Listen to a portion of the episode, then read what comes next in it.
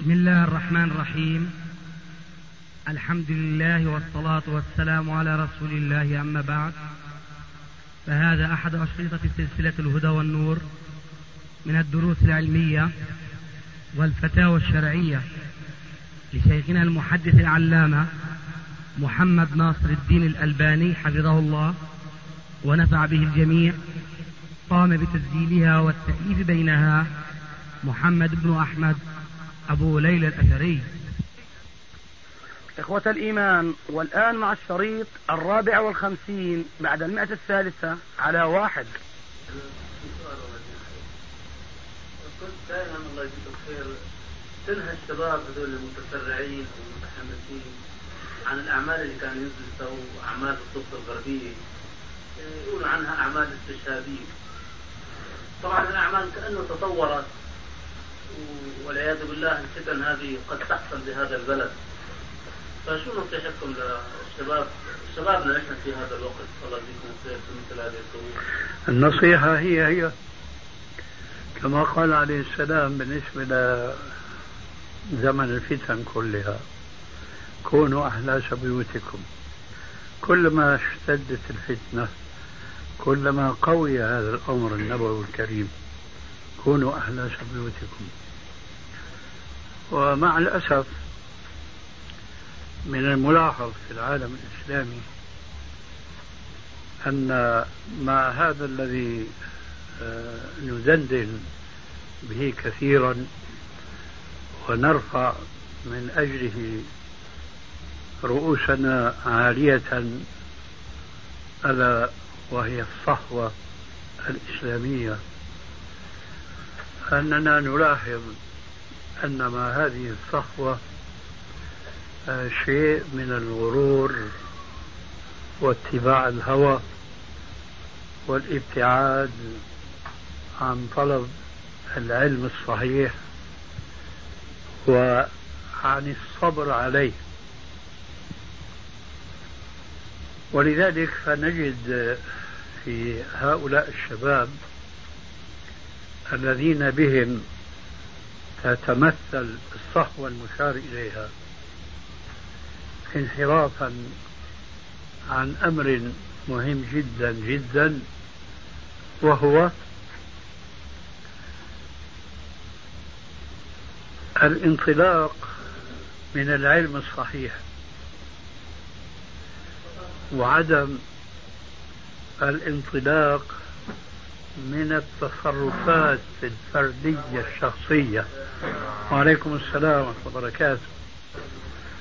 فتجد في كثير من البلاد حركات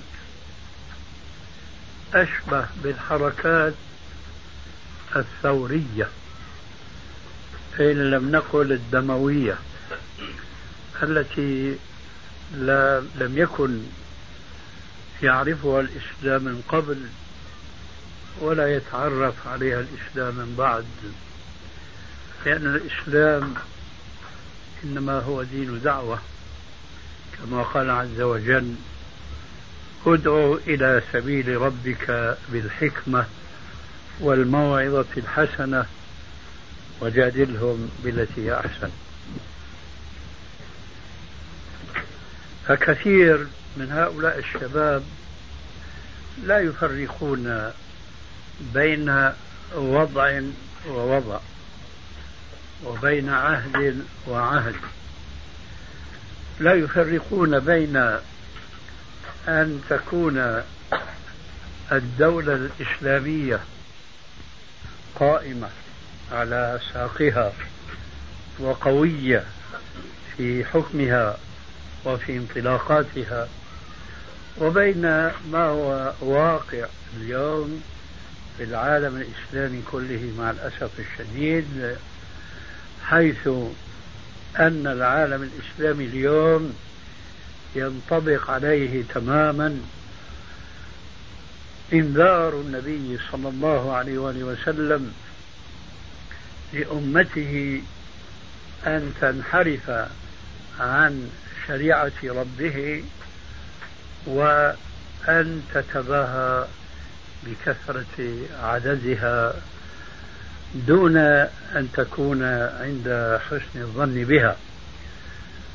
ذلك هو قوله عليه الصلاة والسلام فتداعى عليكم الأمم كما تداعى الأكلة إلى قصعتها قالوا أو من قلة نحن يومئذ يا رسول الله؟ قال لا بل أنتم يومئذ كثير ولكنكم غثاء كغثاء السيل ولا ينزعن الله الرهبة من صدور عدوكم ولا يقذفن في قلوبكم الوهن.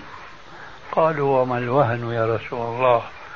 قال حب الدنيا وكراهية الموت. لا يفرق هؤلاء الشباب بين أن تكون الدولة الإسلامية قائمة لا حاكمها المسلم الذي يتحاكم إلى الله ورسوله ولا يتحاكم إلى الطواغيت والقوانين الأرضية وبين أن يكونوا كما قال عليه السلام في هذا الحديث الصحيح أنتم يومئذ كثير ولكنكم غثاء كغثاء السيل وقد ابتلينا في عصرنا الحاضر بكثير من الحركات إن لم نقل الثورات الإسلامية قامت في بعض البلاد من باب إصلاح الأوضاع القائمة بسبب هذه الحكومات التي تحكم بغير ما أنزل الله فيريدون أن يصلوا إلى تحقيق الحكم الإسلامي وإقامة الدولة الإسلامية على طريقة الثورات الدموية. وهذا بلا شك كما قلت في مطلع هذه الكلمة شيء لم يأتي به الإسلام ولا يتعرف عليه الإسلام إطلاقا. ولذلك فلم تفد هذه الحركات وإن لم نقل الثورات لم تفد العالم الإسلامي شيئا بل أضرت به ضررا بالغا كثيرا حيث رجع بالدعوة القهقرة ما شاء الله من سنين كثيرة. ولذلك فنحن ننصح دائما وأبدا بأن يعنى المسلمون قبل كل شيء بأن يصلحوا أنفسهم.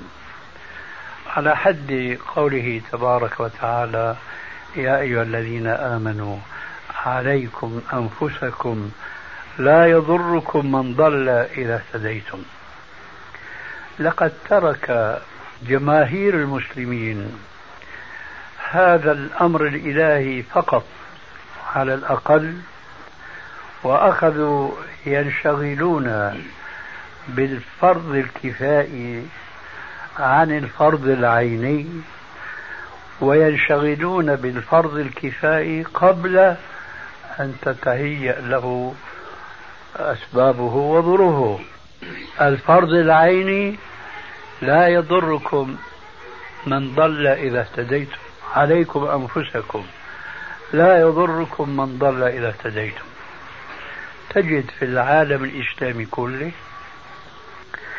الذين يقومون بهذه الحركات القائمة على الاستعجال بالأمر وعدم الاستعداد له إنما يقوم بذلك بعض الشباب المتحمسين الذين لم يعرفوا الإسلام في أصوله وقواعده المتخذة أو المستنبطة من كتاب الله ومن سنة رسول الله صلى الله عليه وسلم. ولذلك تكون العاقبة مع الأسف الشديد ضررا على العالم الإسلامي تحقيقا للحكمة التي أخذت من نصوص من الكتاب والسنة تلك الحكمة التي تقول من استعجل الشيء قبل أوانه ابتلي بحرمانه.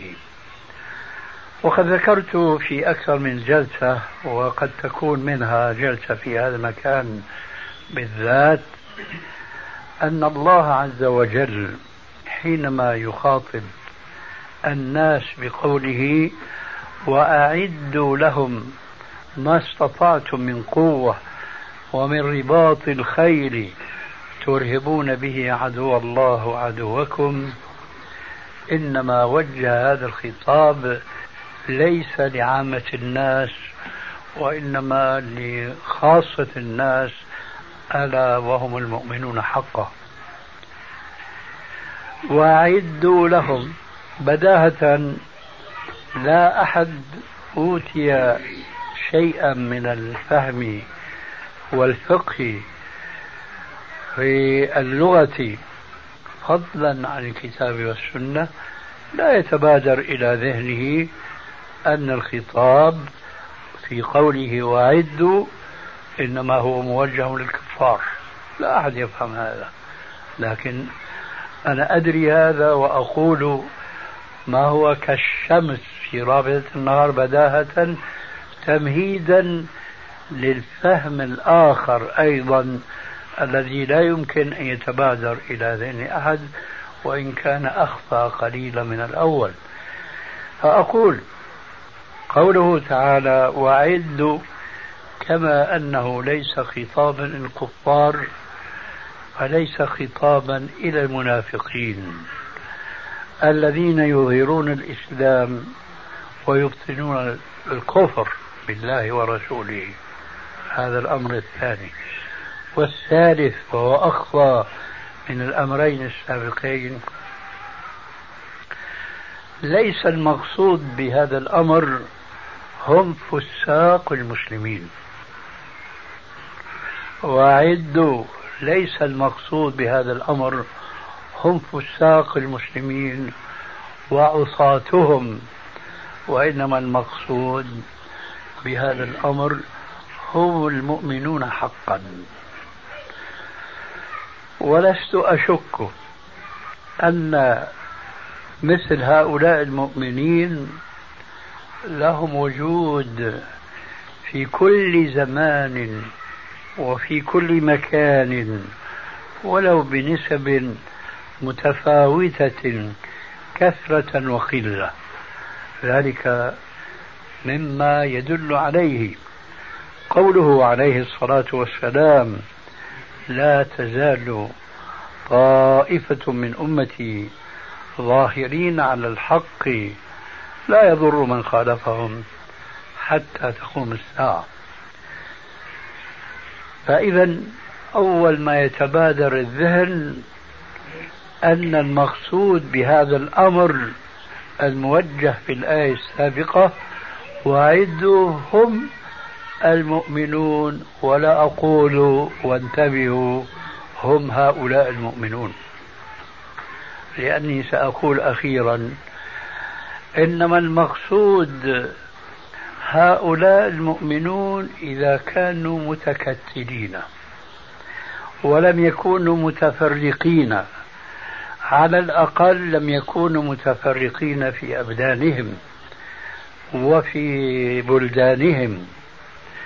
أي إنه لا يكفي أن يكونوا مجتمعين في أفكارهم وفي عقائدهم وأفهامهم على الكتاب والسنة كما هي دعوتنا منذ أكثر من نصف قرن من الزمان لا يكفي الالتقاء على هذا الفكر وعلى هذه العقيدة فقط بل يجب أيضا أن يكونوا مجتمعين في مكان واحد وأن يكونوا كما لو كانوا رجلا واحدا وعلى قلب رجل واحد.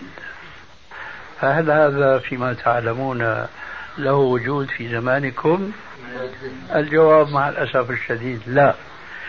إذا كيف يتعجل هؤلاء الناس البسطاء الذين يلملمون بعض الشباب المتحمس لإسلامه؟ قد يكون تحمسا فائقا جدا ولكنه من حيث العلم ومن حيث العمل. نعم. فأقول هؤلاء قد يكونون متحمسين أشد التحمس ولكن قلوبهم لم تمتلئ بعد بهذا الإيمان الذي يدفع أولا إلى أن يكونوا يدا واحدة كما ذكرت آنفا ثم بعد ذلك قد يمكن وأقول وأنا أعني ما أقول قد يمكن أن يحققوا هذا الأمر القرآني وأعدوا لهم ما استطعتم من قوة. قد يكونون على العكس من ذلك. قد يكونون في وضع محيط بهم الكفار من كل جانب ولا يدعون لهم مجالا لحمل ولو سلاح سهل بسيط من الأسلحة القديمة كالسهام والرماح والسيوف ونحو ذلك فضلا عن هذه الأسلحة الحديثة التي لا يمكن الاستغناء اليوم لمقاتلة الكفار إلا بها. فإذا نستلخص مما سبق أن قوله تعالى وأعدوا لهم ما استطعتم من قوة إلى آخر الآية. فيها أمر صريح بإعداد السلاح المادي ولكن فيه أمر ضمني وهو أن السلاح الأولى من هذا السلاح المادي هو سلاح الإيمان الذي إذا استقر في القلب لم يبالي. بحطام الدنيا وزخرفها وزينتها وكانوا كذا إذا كانوا كذلك بإمكانهم حينئذ أن يكونوا هم الذين قال عنهم رسول الله صلى الله عليه وسلم لن يغلب اثنا عشر ألف من قلة فاثنا عشر ألف. لا يعني أن يكونوا مبعثرين. هكذا أفراد في هذا البلد وأفراد في بلد آخر وثالث وراوي والآخر. وإنما يكونون على قلب رجل واحد. آه، هيئوا في أنفسهم الإيمان الصحيح القائم على الكتاب والسنة. ثم طبقوا هذه الآية الكريمة وأعدوا لهم ما استطاعوا من قوة. يومئذ يجب على هؤلاء المسلمين أن يعلنوها صراحة ويومئذ يمكن تحقيق الحكم الإسلامي الذي عليه رئيس يأمر وينهى فيجب إطاعته فيما يأمر وفيما ينهى إلا في معصية الله تبارك وتعالى.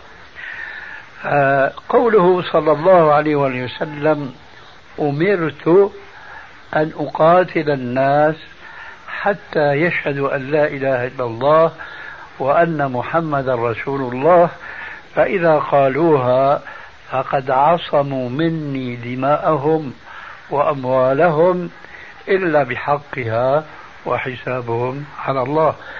هذا القول يجب أن نتنبه إنما صدر من الحاكم المسلم الذي لم يكن ولن يكون له مثيل في الدنيا إطلاقا ألا وهو رسول الله صلى الله عليه وسلم. ثم إنما يصدر مثل هذا ممن ينوب عنه من الحكام المسلمين. فإذا يجب أن نفرق بين وضع كوضع المسلمين اليوم متفرقون شذر مذر كما ذكر عليه الصلاة والسلام في الحديث السابق فيوم يصبحون على قلب رجل واحد كما شرحنا يومئذ يختارون منهم رجلا يبايعونه على الإسلام يبايعونه على الموت. هذا الرجل مع هذه الجماعة هم الذين آه، يحق لهم دينا وإسلاما أن يقاتلوا من حولهم إذا لم يستجيبوا لدعوتهم دعوة الحق. ولذلك فمن الخطأ الفاحش ما وقع بعيدا وما وقع قريبا في الجزائر مثلا من الثورة التي ثار فيها بعضهم فكانت العاقبة كتلك العواقب الأخرى التي أشرنا إليها آنفا.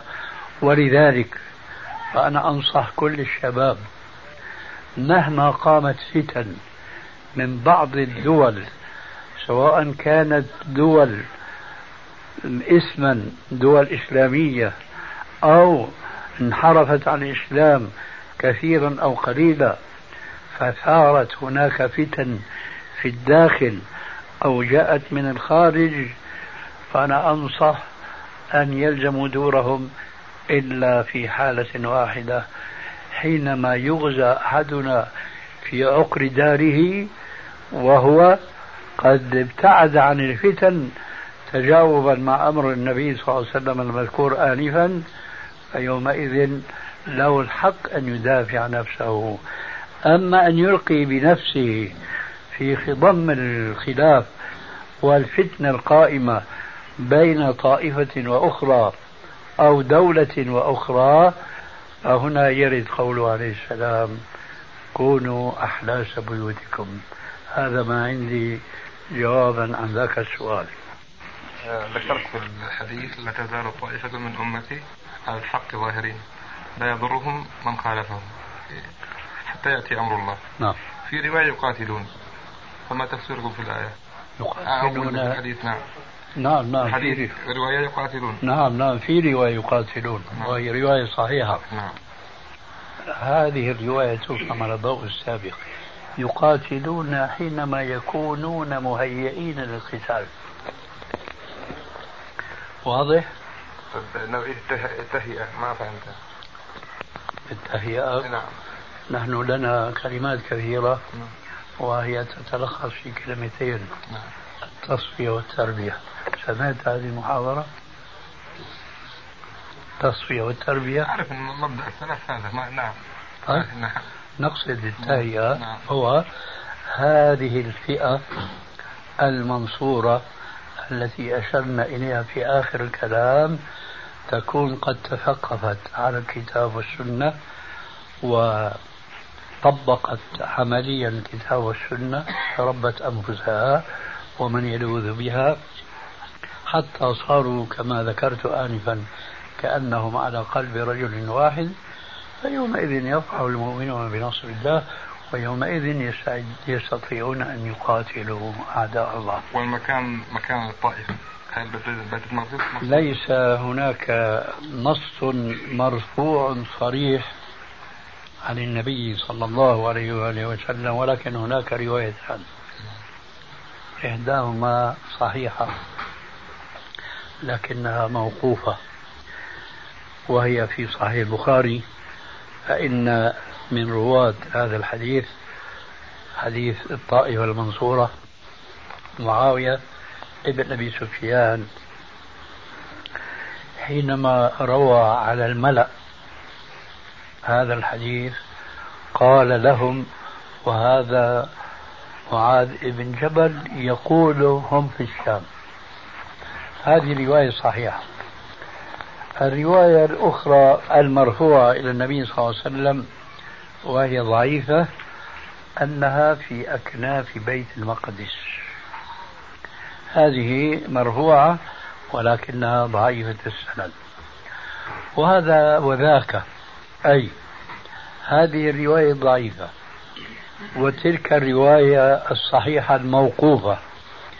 لا تنفي أن تكون الطائفة المنصورة آه، في بعض البلاد الإسلامية وليس تكون محصورة في الشام مثلا إذا فرضنا أن هذا الحديث الموقوف له حكم مرفوع. وإذا سلمنا بأن هذا الحديث الموقوف هو في حكم المرفوع فلا شك أنه سيكون الأمر كذلك. ونحن أشرنا آنفا إلى أن المؤمنين موجودون في كل بلاد الإسلام ولو أنها قلة وقلة ضعيفة ومبعثرة ومتفرقة ولكن في النهاية حينما تريد أن تقيم حكم الله في الأرض فلا بد أن يكونوا متجمعين في مكان معين وعلى ذلك فلا يبعد أن يكون هذا المكان هو الشام. كما قال معاذ بن جبل رضي الله عنه كما في صحيح البخاري ثم لا نستبعد أن يكون أخص بلاد الشام هي دمشق الشام حيث قال عليه الصلاة والسلام في الحديث الصحيح فسطاط المسلمين يوم الملحمة الكبرى في الغوطة بجانب مدينة يقال لها دمشق هي خير مدائن الشام يومئذ. هذا حديث صحيح. لكن متى يكون هذا؟ الله أعلم. ونحن بهذه المناسبة نقول يجب أن نسعى لنكون من من تلك الطائفة المنصورة علما ثم من الطائفة المنصورة جهادا وقتالا. وليس يهمنا أن نقيم هذه الدولة قبل أن نتخذ أسباب إقامتها سواء كانت هذه الأسباب معنوية أو مادية كما شرحت لكم آنفا ذلك انطلاقا من قوله تبارك وتعالى وأعدوا لهم ما استطعتم من قوة. إلى آخر الآية. تفضل. نحن نعرف أن العمل الإسلامي ينقسم إلى قسمين هما العمل بالإسلام ونحن والحمد لله نعمل في الإسلام من عبادات وغيرها والعمل للإسلام. فما السبيل إلى صح إلى العمل للإسلام؟ هذا أخي أخذت جوابه دون أن توجه سؤاله. السبيل قد وضحته لك. الآن أسألك ويبدو أنك لم تتنبه لورود الجواب ضمنا في البحث السابق عن هذا السؤال اللاحق. هل هناك آه، أفراد مؤمنون آه، فهموا الكتاب والسنة وطبقوها في أنفسهم عمليا؟ يوجد هؤلاء أم لا يوجد؟ يوجد بعض يوجد. طيب. آه، هؤلاء هل هم متفرقون أم مجتمعون؟ متفرقون بالطبع. فإذا الجواب حين يجتمع هؤلاء المؤمنون على فرض شيئين اثنين. الشيء الأول أنهم تفقهوا على الكتاب والسنة وتربوا على ذلك. والشيء الثاني أنهم اجتمعوا على ذلك. وهذا لا وجود له. فالعمل يبدأ من هنا من هنا ننطلق. ولهذا قلت للأخ هنا مشيرا أن لي كلمة مسجلة مرارا وتكرارا. لا بد من التصفية والتربية. أنت الآن بتقول يوجد وأنا أشهد معك ولكن كثير من أولئك الذين يظنون أنهم على الكتاب والسنة. ليسوا حقيقة على الكتاب والسنة. وهذه حقيقة مرة مع الأسف الشديد ولكن يجب أن نعترف بها كالمريض أو كالرجل. المريض مصاب بمرض فلا ينبغي أن يتكتم في مرضه بل يجب أن يكشف عن مرضه لكي يتمكن من معالجته فالآن المجتمعات الإسلامية في كل البلاد الإسلامية إذا أنت نظرت إليها فستجد هناك أفرادا قليلين جدا هم ضاعوا في تلك الكثرة التي وصفها الرسول عليه السلام بأنهم غثاء كغثاء السيل الآن نحن في هذا المجتمع. فالآن المجتمعات الإسلامية في كل البلاد الإسلامية إذا أنت نظرت إليها فستجد هناك أفرادا قليلين جدا هم ضاعوا في تلك الكثرة التي وصفها الرسول عليه السلام بأنهم غثاء كغثاء السيل. الآن نحن في هذا المجتمع. أعني المجتمع الأردني. كم مذهب يوجد؟ كم طريقة تتحكم في عقول الناس؟ ودعك عن الأحزاب الجديدة الطارئة. فما وزن هؤلاء الأفراد وما نسبتهم وأعني بهم الذين فهموا الإسلام فهما صحيحا وطبقوه تطبيقا صحيحا. هذا مع الأسف نادر وعزيز جدا. ولذلك فأمامنا شوط طويل وبعيد جدا لكي نهيئ الأسباب لذاك التكتل الذي لا بد منه أن يكون على الكتاب والسنة وأن يكون اجتماعا في مكان واحد يومئذ يفرح المؤمنون بنصر الله نعم كيف؟ اللي يجتمعوا محل واحد لا يطلع عليهم ميت ما هو إيه؟ آه ولذلك الإنسان يجب أن يعرف واقعه وأن وأن يبدأ كما قلنا في آية سبقت يا أيها الذين آمنوا عليكم أنفسكم لا يضركم من ضل إذا اهتديتم. نحن نجد كثيرا من الجماعات الإسلامية قد وقعوا مع الأسف في الاستعجال بالأمر فيحرمون العاقبة التي ينشدونها. أنا أعتقد أن أي جماعة وأي طائفة في أي بلد من البلاد الإسلامية تعمل في الحقل السياسي في هذا الزمن فهو عمل غير ناجح أقل ما يقال. لا أقول هذا لأن العمل السياسي لا ينبغي بل هو واجب. لكن هذا العمل السياسي لا ينبغي أن يكون عملا سياسيا كأي عمل سياسي في أي دولة من الدول الكافرة أو الفاسقة. يجب أن يكون عملا سياسيا متميزا بأصوله وقواعده عن عمل سياسي آخر في جماعات أخرى وأحزاب أخرى. أن يكون العمل السياسي من أمة مسلمة أي جماعة مسلمة وقد أنهوا المرحلة الأولى التي لا بد منها والتي بدأ بها رسول الله صلى الله عليه وسلم وهي الدعوة إلى الإسلام. وأول ما يبدأ المسلم إنما يبدأ بالتوحيد.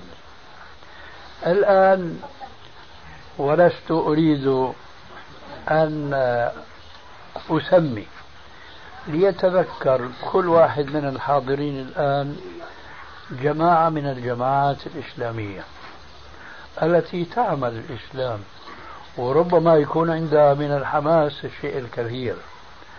ولكن هل بدأوا بما بدأ به رسول الله صلى الله عليه وسلم؟ كلنا يعلم أن النبي صلى الله عليه وسلم إنما بدأ بما بدأ به أسلافه من إخوانه الأنبياء والمرسلين. كما أمره رب العالمين في القرآن الكريم فبهداه مقتدي بدأ بالدعوة إلى عبادة الله وحده لا شريك له. ولذلك كان مما أمر به عليه الصلاة والسلام في القرآن أمرا وجه إلى شخصه والمراد به أمته فاعلم أنه لا إله إلا الله. فالآن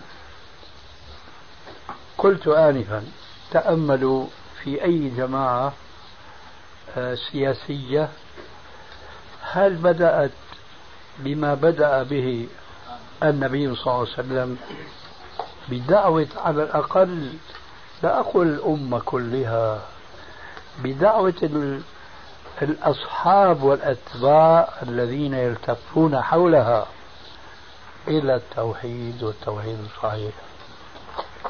هذا مع الأسف شيء مفقود. ثم هذا لا يكفي بالنسبة إلينا اليوم. لأن الإسلام جاء آه، على سنة الله في التدرج. أما نحن اليوم فقد تلقينا الإسلام كاملا. حينما قيل له عليه الصلاة والسلام قم فأنذر وربك فكبر وثيابك فطهر. يعني أول نزول الوحي عليه لم يكن هناك شيء اسمه صلاة شيء اسمه صيام. إلى آخر الأركان الإسلام الخمسة. لم يكن إلا الركن الأول ألا وهو التوحيد. فبه بدأ عليه الصلاة والسلام ثم بدأ يدعو الناس إلى ما أنزل الله عليه من أحكام أصولية أساسية. فنحن إذا اليوم يجب أن نبدأ بما بدأ بالرسول عليه السلام ونهتم ببقية الإسلام وكما قيل العلم إن طلبته كثير والعمر عن تحصيله قصير فقدم الأهم منه فالأهم. نقف لا ما في مجال وقوف الآن. وعلى هذا أنا أقول العمل السياسي يجب أن يتقدمه العلم الصحيح في الإسلام ككل لا يتجزأ ومن حيث البدء نبدأ بما بدأ به الرسول عليه السلام. وأنا أعلم أن الأحزاب الإسلامية السياسية خالفت هدي الرسول عليه السلام من حيث ما هو بدأ به فعلا ومن حيث ما هو أمر به قولا. فقد جاء في صحيح البخاري وصحيح مسلم من حديث أنس بن مالك رضي الله تعالى عنه أن النبي صلى الله عليه وآله وسلم لما أرسل معاذا إلى اليمن قال له ليكن أول ما تدعوهم إليه شهادة أن لا إله إلا الله وأن محمدا رسول الله. فإنهم أطاعوك فمرهم بالصلاة. فإنهم أطاعوك فمرهم بالزكاة. وهكذا. هكذا تصنيف الأولويات. أرسل الرسول عليه السلام معاذا إلى اليمن. قال له بلسان عربي مبين ليكن أول ما تدعوهم إليه شهادة أن لا إله إلا الله. نحن اليوم معشر المسلمين يبدو لكثيرين منا أننا لسنا بحاجة إلى أن ندعو المسلمين إلى شهادة أن لا إله إلا الله لأننا لا ندعو كفارا وإنما ندعو مسلمين. والإسلام هو كما سمعتم إنما أمرت أن أقاتل الناس حتى يشهدوا أن لا إله إلا الله. وإخواننا المسلمون يشهدون أن لا إله إلا الله. إذا نحن لسنا بحاجة إلى أن ندعو المسلمين إلى شهادة أن لا إله إلا الله. أنا أقول كذلك لسنا بحاجة إلى أن ندعوهم أن يقولوا فإنهم قد قالوا. ولكننا بحاجة إلى أن ندعوهم إلى أن يفهموا ما قالوا. لقد قالوا كلمة الإسلام. لا إله إلا الله. هل فهموها؟ هنا مع الأسف الشديد نقول لا لم يفهموها. وهذا بحث طويل يتعلق بالتوحيد وأقسامه. توحيد الربوبية توحيد الألوهية أو العبودية وتوحيد الأسماء والصفات. أكثر الأحزاب الإسلامية لا تعرف هذا التفصيل أبدا. فكيف نطمع نحن أن نقيم أن نقيم دولة الإسلام على أيدي ناس؟ أولا لم يفهموا الإسلام فهما صحيحا ولئن كانوا فهموه فهما صحيحا فهم يريدون أن يصلوا إلى الإهرام قصدا واحدة ولا يسيرون على السنن الكونية والشرعية. أن نبدأ بالأهم فالأهم كما فعل النبي صلى الله عليه وسلم وكما أمر به معاذا حينما أرسله إلى اليمن. هذا ما عندي جواب عن هذا السؤال والبحث طويل ولعل هذا يكفي إن شاء الله. بدك تشربني. نعم. طيب. بسم الله. يعني شيخنا دام إحنا نقول إحنا ماشيين على الكتاب والسنة وهذه الدعوة اللي فيها آه، الناس حتى يكونوا مجتمعين على هذه الدعوة. يعني ولكن يعني نرى الشخص الشيخ الألباني العالم هو اللي يعني قائم في مهمة العلم ولكن التربية على هذا الشيء يعني آه، خلينا نقولها بصراحه مفقود. الله يهديك. هو الشيخ هو الشيخ الألباني نبي الإسلام. الشيخ الألباني بده مئات من أمثاله حتى يتوزعوا المسؤوليات كل واحد يقوم بجانب مما فرض الله عليه. شو مخمن أنت؟ لا نبي بعد رسول الله. رسول الله جمع جمع قوة القوات كلها بمختلف اختصاصاتها في شخصه عليه السلام. فلا غرابة أن الله اصطفاه رسولا للعالمين جميعا. ولذلك أنا أقول لبعض الجماعات الحزبية يقولون لي آه هذا عملك كويس وطيب وكذا وإلى آخره ولكن ما بهذا العمل يقوم الإسلام؟ أنا أقول هو كذلك. هو كذلك. بهذا العمل فقط لا يقوم الإسلام. لكني أقول لن يقوم الإسلام إلا بمثل هذا العمل وغيره. ولذلك لا تنسوا قلت لكم آنفا العمل السياسي لابد منه. طيب هل يقوم بالعمل السياسي والعمل التربوي والعمل العلمي والعلوم شتى وشتى إلى آخره. هل يقوم بذلك شخص واحد؟ هذا أمر مستحيل. هذا أمر مستحيل. فأنا أقول لهم هبوا أن هذا الشيخ الألباني شيخ كتاب. في يعني أقل علما من شيخ كتاب بيعلم الأطفال الصغار. هل من عاقل يقول أنه ما بدنا شيخ كتاب؟ بدون شيخ كتاب ما بنوجد الدكتور صح؟ إذا هؤلاء الذين ينقمون على بعض الأفراد من المسلمين حيث كرسوا حياتهم لعلم ليكن تنازلا منا هو مثل علم شيخ الكتاب وأنني بفضل الله عز وجل أقول هذا العلم الذي منحني الله عز وجل لي ليس من هذا القبيل بل هو مما لا يمكن أن تقوم دعوة إسلامية صحيحة إلا على تصفية السنة وتصفية العقيدة مما دخل فيها. لكن من العبث ومن قلة العقل أن يكلف إنسان واحد سواء كان هو هذا الألباني أو غيره أن يقوم بكل الواجبات المترتبة على الطائفة المنصورة. هذا أمر مستحيل. ولذلك قلت آنفا بأن الطائفة المنصورة يجب أن يتجمعوا في مكان واحد وأن يستعين كل متخصص بأخيه المتخصص في علم آخر. يعني هذا يمد هذا بما عنده وهذا يمد الأول بما عنده وهكذا يتعاونون جميعا الخير. أصحاب الرسول عليه الصلاة والسلام لدى جميع الناس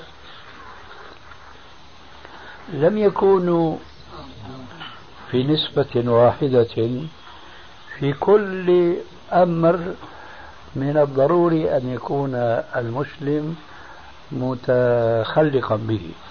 مثلا هل كانوا في العلم بالسنة سواء؟ هل أبو بكر كان في السنة وهو أفضل الصحابة كأبي هريرة؟ لا. لكن هل كان أبو هريرة في حسن الصحبة وقوة صحبة لرسول الله والكياسة والفتنة والسياسة مثل أبي بكر؟ لا. وعلى ذلك قل بالنسبة لعمر وبقية الخلفاء وبقية العشرة وبقية الصحابة. لكن هذه المجموعة الطيبة لما تكتلوا على أساس واحد هو الكتاب والسنة نصرهم الله عز وجل على أعدائهم. لذلك فأنت بارك الله فيك كن واقعيا لا تكن خياليا. الألباني بالكاد أن يربي نفسه أولا بهذا العلم الذي ناظر له نفسه. وأن يربي أولاده وذويه الذين يدندنون حوله. أما أن يكون مربيا للشعب نحن وجدنا مربين للشعب أو للشعوب كثيرين لكن كان ينقصهم العلم الصحيح. أنا أقول بمثل هذه المناسبة وذكرت هذا أظن في بعض الكتابات أنه حسن البنا له فضل على الشباب المصري حيث أنقذهم من القهاوي والسينمايات وإلى آخره. لعل بعضكم يذكر شيئا من هذا الكلام أنا كتبته في بعض مؤلفاتي. ولكن مع مجلة المجتمع الكويتية. نعم. في لقائكم مع مندوب مجلة المجتمع الكويتية. آه كويس المقصود آه، ولكن كان حسن بنا ناقصا. وكان يجب أن يكمل هذا النقص بغيره من أصحابه. كان ناقصا لم يكن عالما بالكتاب والسنة. ولذلك صدرت منه بعض الآراء التي تخالف السنة الصحيحة. مثلا موقفه بالنسبة للأسماء والصفات موقفه بالنسبة للتوسل إلى آخره.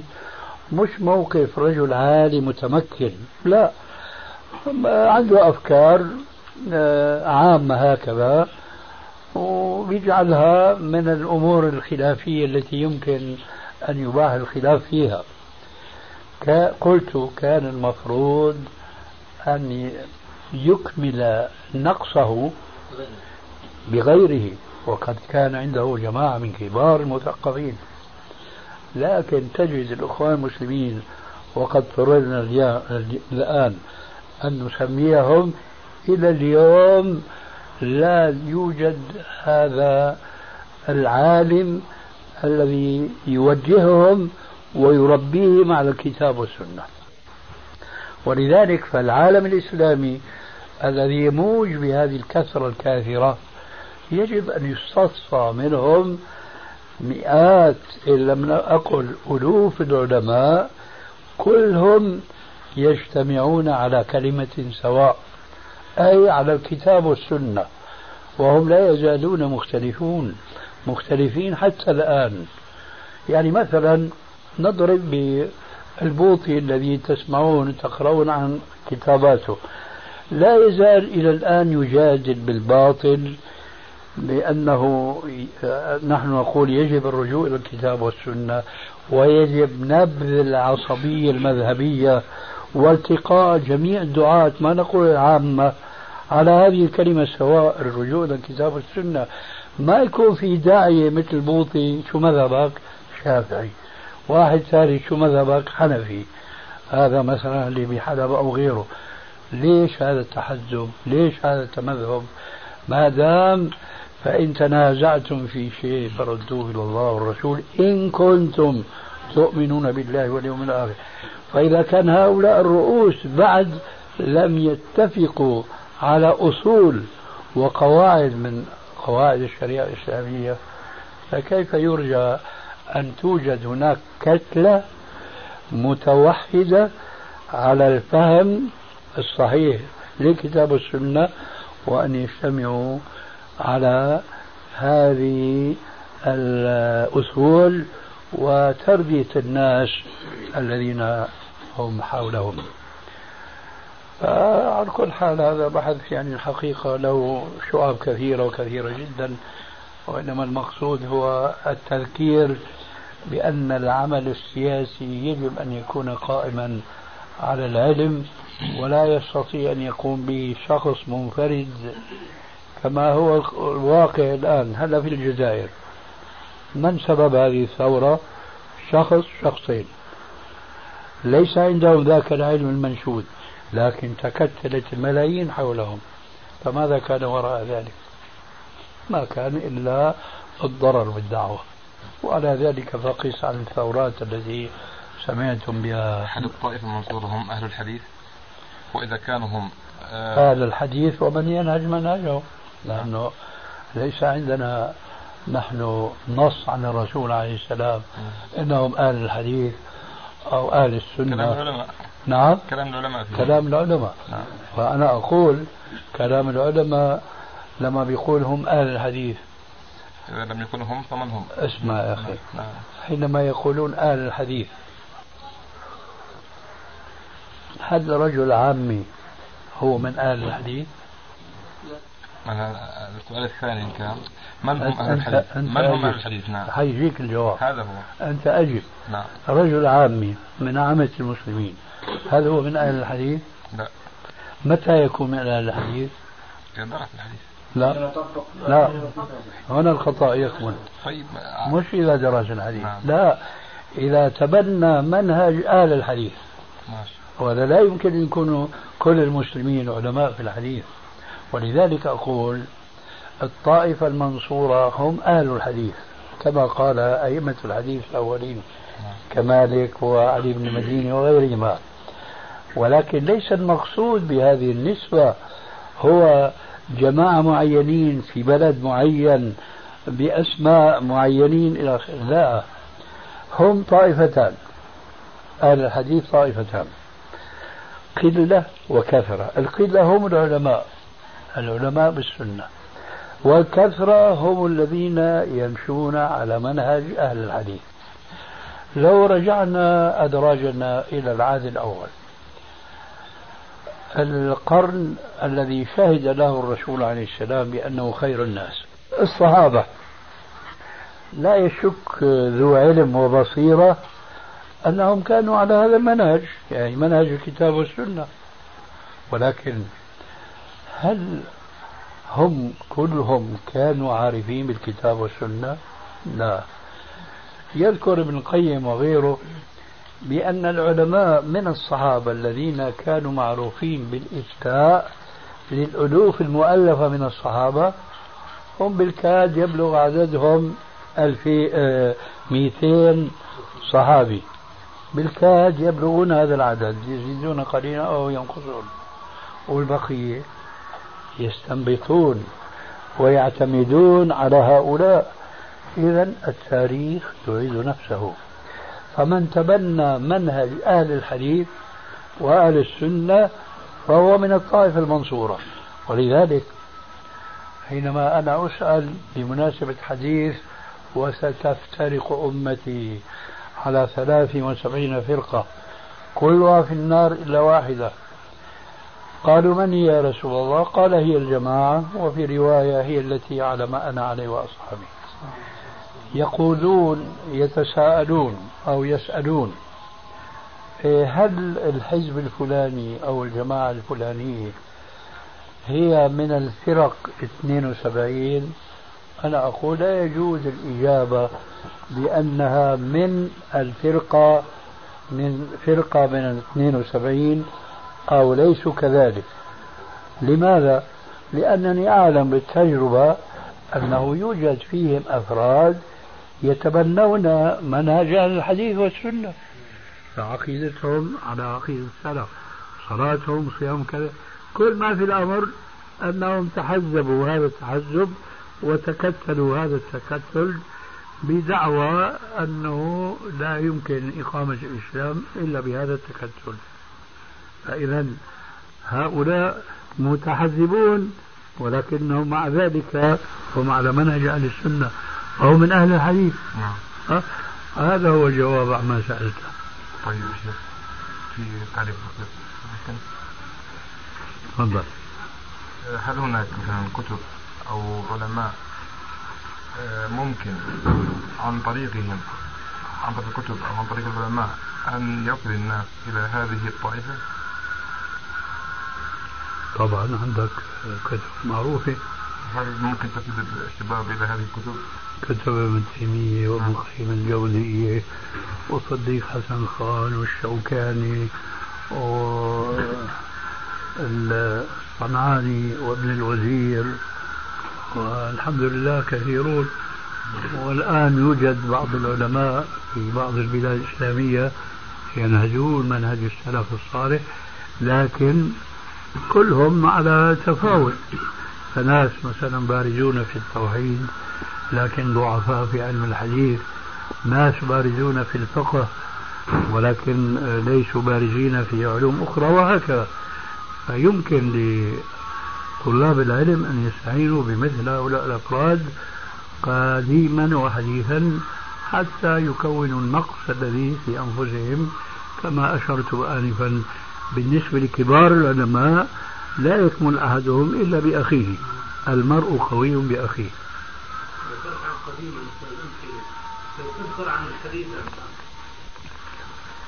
حديثا نقول مثلا مثل الشيخ ابن باز وابن عثيمين وهناك في باكستان مثلا أو كشمير بعض العلماء والجمعية السلفية هناك في في الهند هؤلاء كلهم ينهجون منهج أهل السنة وأهل الحديث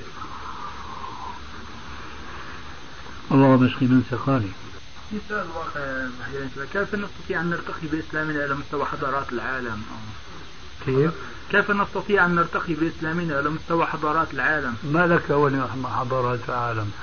ماذا فعل نبيك حينما بعث إلى العرب الوثنيين بالحضارة الفارسية والحضارة الرومية ماذا فعل بها؟ نحن مغشوشون الآن بما يسمى الحضارة الغربية كل الغش وهذا في الواقع سببه أن المسلمين آه، ما عادوا يعتزون بدينهم وذلك بسبب جهلهم بإسلامهم أولا ثم لبعدهم عن أن يكونوا قد ربوا على هذا الإسلام الذي لا يسمح لأحدهم لو ربي على الإسلام أن يقيم وزنا لأمة سوى أمة الإسلام أو لحضارة سوى حضارة الإسلام. ولذلك لا يهمك مثل هذه الحضارة. في الواقع في اللي بعض الأصدقاء في دول زي أمريكا ودول أوروبا لكن يطبقون الإسلام ف استشهدت بحديثك بالحديث عن الرسول عليه الصلاة والسلام أنه أنا بريء من كل من أقام بين ظهراني الكفار لأكثر من ثلاث فماذا تنصح هؤلاء الشباب المسلم في دول الكافر ليكونوا دعاة الإسلام أو أولا أريد أن ألفت النظر لأن قولك يطبقون الإسلام فيه تسامح كبير في التعبير أليس كذلك؟ ما فهمت قصدك قصدي واضح ولكن تأمل فيما أقول. أقول إن تعبيرك بأن أولئك القاطنين في بلاد الكفر أمريكا وأوروبا قلت إنهم يطبقون الإسلام. في تسامح في هذا التعبير. ما قصدت يطبقون عبادات أنا عارف يا شيخ ماذا قصدت. لكن امشي معي إنه في تسامح في التعبير. صح؟ آه ما تقول صح؟ إذا هزم بالرأس. يعني خايف تسجل عليك؟ ما في خوف هنا اعتراف بالحق يعني. المقصود. أنا أنصح كل مسلم يقيم في بلاد الكفر بما نصح به الرسول عليه السلام ولا يمكنني إلا أن أكون كذلك. ولكن إخوة الإيمان تتمة الكلام في الشريط التالي. ولكن فقه الإسلام يجعل لي فسحة بأن أقول إذا وجدت طائفة من المسلمين في بعض بلاد الكفر متكتلة متجمعة ويشعرون بأن